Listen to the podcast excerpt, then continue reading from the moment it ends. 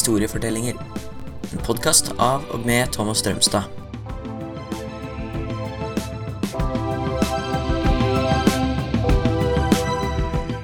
Ismer på 1800-tallet. Episode 21. Ja, da har vi kommet til eh, ideologier og nasjonalisme i Europa på 1800-tallet. En veldig dynamisk periode, kan man si. Det var jo da eh, egentlig alle de moderne ideologiene som vi befatter oss med i dag, som konservatisme, liberalisme, sosialisme, sosialdemokrati og nasjonalisme, egentlig da faktisk ble til.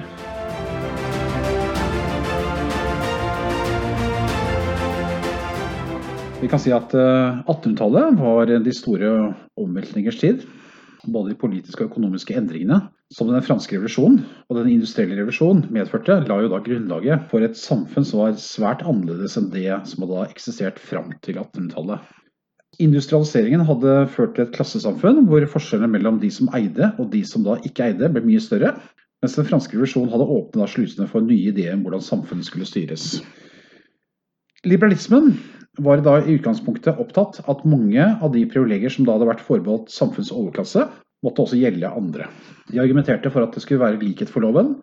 Statsstyret måtte ha legitimitet blant befolkningen, og monarkenes autoritet, makt, skulle begrenses til fordel for folkestyret og en velutviklet rettsstat. Disse ideene passet utmerket da til den voksne middelklassen, som også var de som slo seg opp på handel og industri, f.eks. i Storbritannia. Etter hvert som middelklassen styrket sin økonomiske posisjon, kom også kravene om å ta del i styre og stell. En stor del av borgerskapet drev da med industri og handel.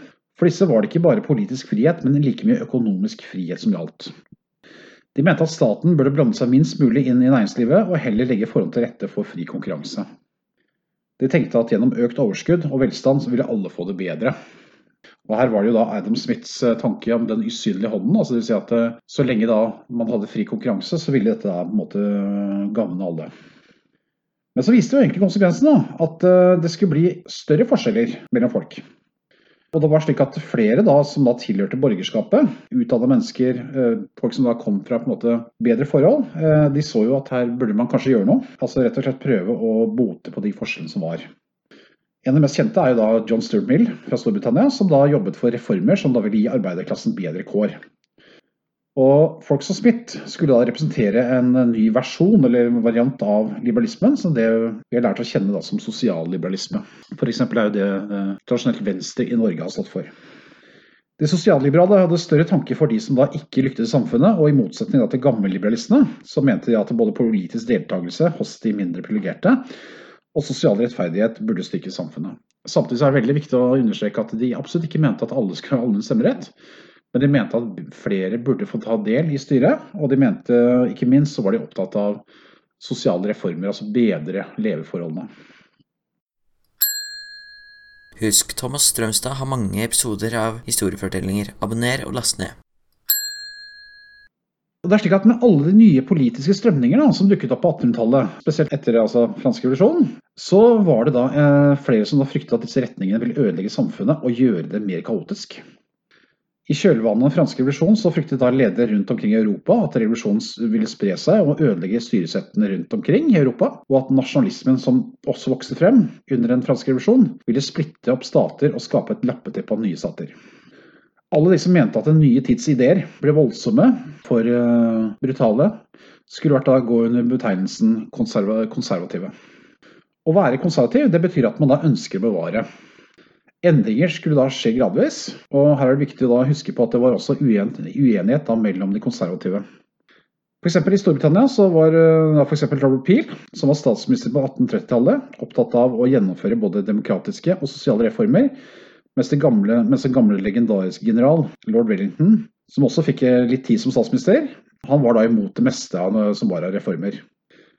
Satt på spissen så kan man da si at det moderne norske Høyre er et liberalt konservativt parti, som da tradisjonelt har jobbet for et samfunn basert på demokrati og gradvis reformer, fremfor store og omfattende forandringer. Men samtidig så har de alltid vært veldig opptatt av at uh, ting skal skje gradvis. altså Man skal, på, man skal forbedre samfunnet for alle, men det skal da skje gjennom gradvise reformer. Og så var det slik at det, da I perioden 1820 til 1850 så det da, kom det da store opprør rundt omkring i Europa. Det var da måte, arbeiderklassen, de fattige, som etter, etter hvert da begynte å gjøre opprør. Og I Storbritannia så var det da flere store opprør reist av arbeiderklassen. Et av de største opprørene skjedde da i Petersfield i Manchester i 1819. Mellom 60 og 70 000 mennesker demonstrerte for at flere folk skulle få stemmerett. Myndighetene satte inn store militærtropper for å slå ned opprøret. 18 mennesker døde, og mellom 400 og 500 mennesker ble hardt skadet. Folket begynte å kreve politisk deltakelse, mannlig stemmerett, ytringsfrihet og sosiale endringer, forandringer.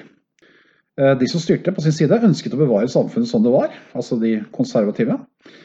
En ny politisk bevegelse bestående av radikale drømte da sin side om et helt nytt samfunn som var klasseløst, preget av stor økonomisk fordeling og rettferdighet for alle. Først ble disse da omtalt som radikale, deretter ble mange av disse en del av den nye ideologiske bevegelse, sosialismen.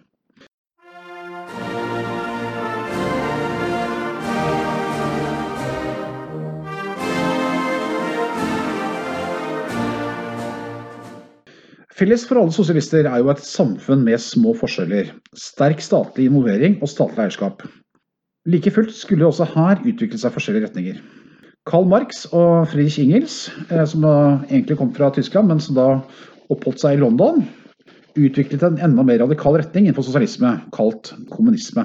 Som da hadde som mål at ingen skulle eie fabrikker og ha stor formue, men at alle skulle eie dette sammen. En mildere versjon av Marx og engelsk eh, kommunisme forfektet da ideen om at forskjellene skulle bli mindre, at statlige myndigheter skulle ha en sterk posisjon både når det gjaldt fordeling av goder og industrivirksomhet, men at det fortsatt skulle være rom for grad av kapitalisme. Og ikke minst så skulle man da vedta sosiale reformer gjennom et borgerlig-demokratisk styre, og ikke gjennom revolusjoner. Etter de store forsøkene på sosialistiske revolusjoner i flere steder i Vest-Europa i 1848, var det de mer reformorienterte sosialistiske bevegelsene som vant fram. Denne retningen, som også skulle bli utbredt i Norden etter andre verdenskrig, ga grunnlaget for sosialdemokratiet. Arbeiderpartiet i dag for eksempel, er jo da en typisk eh, representant for sosialdemokratiet. Først i 1917, da kommunistene gjorde opprør og overtok makten i Russland, ble kommunismen innført i et land. Så kan man selvfølgelig spørre hvor vellykket det var. Som liberalismen, sosialismen og konservatismen var også nasjonalismen en sterk faktor i Europa utover på 1800-tallet. Igjen, når vi da går tilbake til den franske revolusjonen, ser vi at dette med at folk i et land skulle få bestemme over seg selv, sto sentralt. Den såkalte folkesuvereniteten.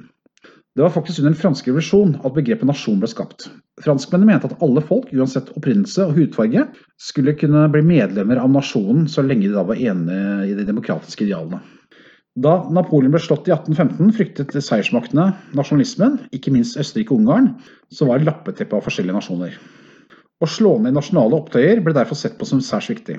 Storbritannia var i utgangspunktet ikke så fiendtlig innstilt, men ut fra mer realpolitiske hensyn støttet de også denne linjen. Et land som ennå ikke hadde blitt et land, var Tyskland. Tyskerne var spredt rundt på mange mindre stater, men flere og flere tyskere ønsket å bli samlet, ikke minst overklassen, som så økonomiske og politiske fordeler i et samlet Tyskland.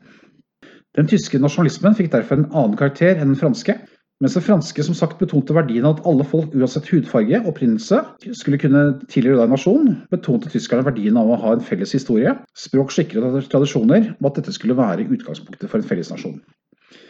Det samme gjaldt Italia, som da heller ikke var noen stat, men bestod av mange små stater med felles språk og kultur. I land som Østerrike Ungarn, Russland og Tyrkia, som bestod av mange forskjellige folkegrupper, var våkne disse og kjempet for sin selvstendighet, slik at de kunne danne sine egne eh, selvstendige stater. Etter at Tyskland i tur og orden slo Danmark, Østerrike, Ungarn og Frankrike fremprovoserte kriger, ble den tyske stat dannet i 1871, og dermed kom en ny stormakt til Europa. Altså, Nasjonalismen skulle da få forskjellige utforminger. På den ene siden hadde det da den demokratiske variant, som i tilfelle med Frankrike og Norge i 1814. På den annen side skulle den også bane veien for en mer aggressiv og nedlatende variant, hvor tanken var at noen folk var bedre enn andre. De som forfektet sistnevnte begrunnet dette med at darwinismen beviselig sa at naturen ga den sterkeste nasjonene rett til å herske over svakere folk.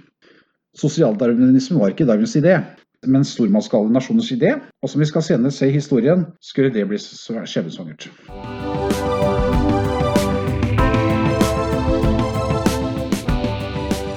Hørt historiefortellinger fortalt av Thomas Strømstad.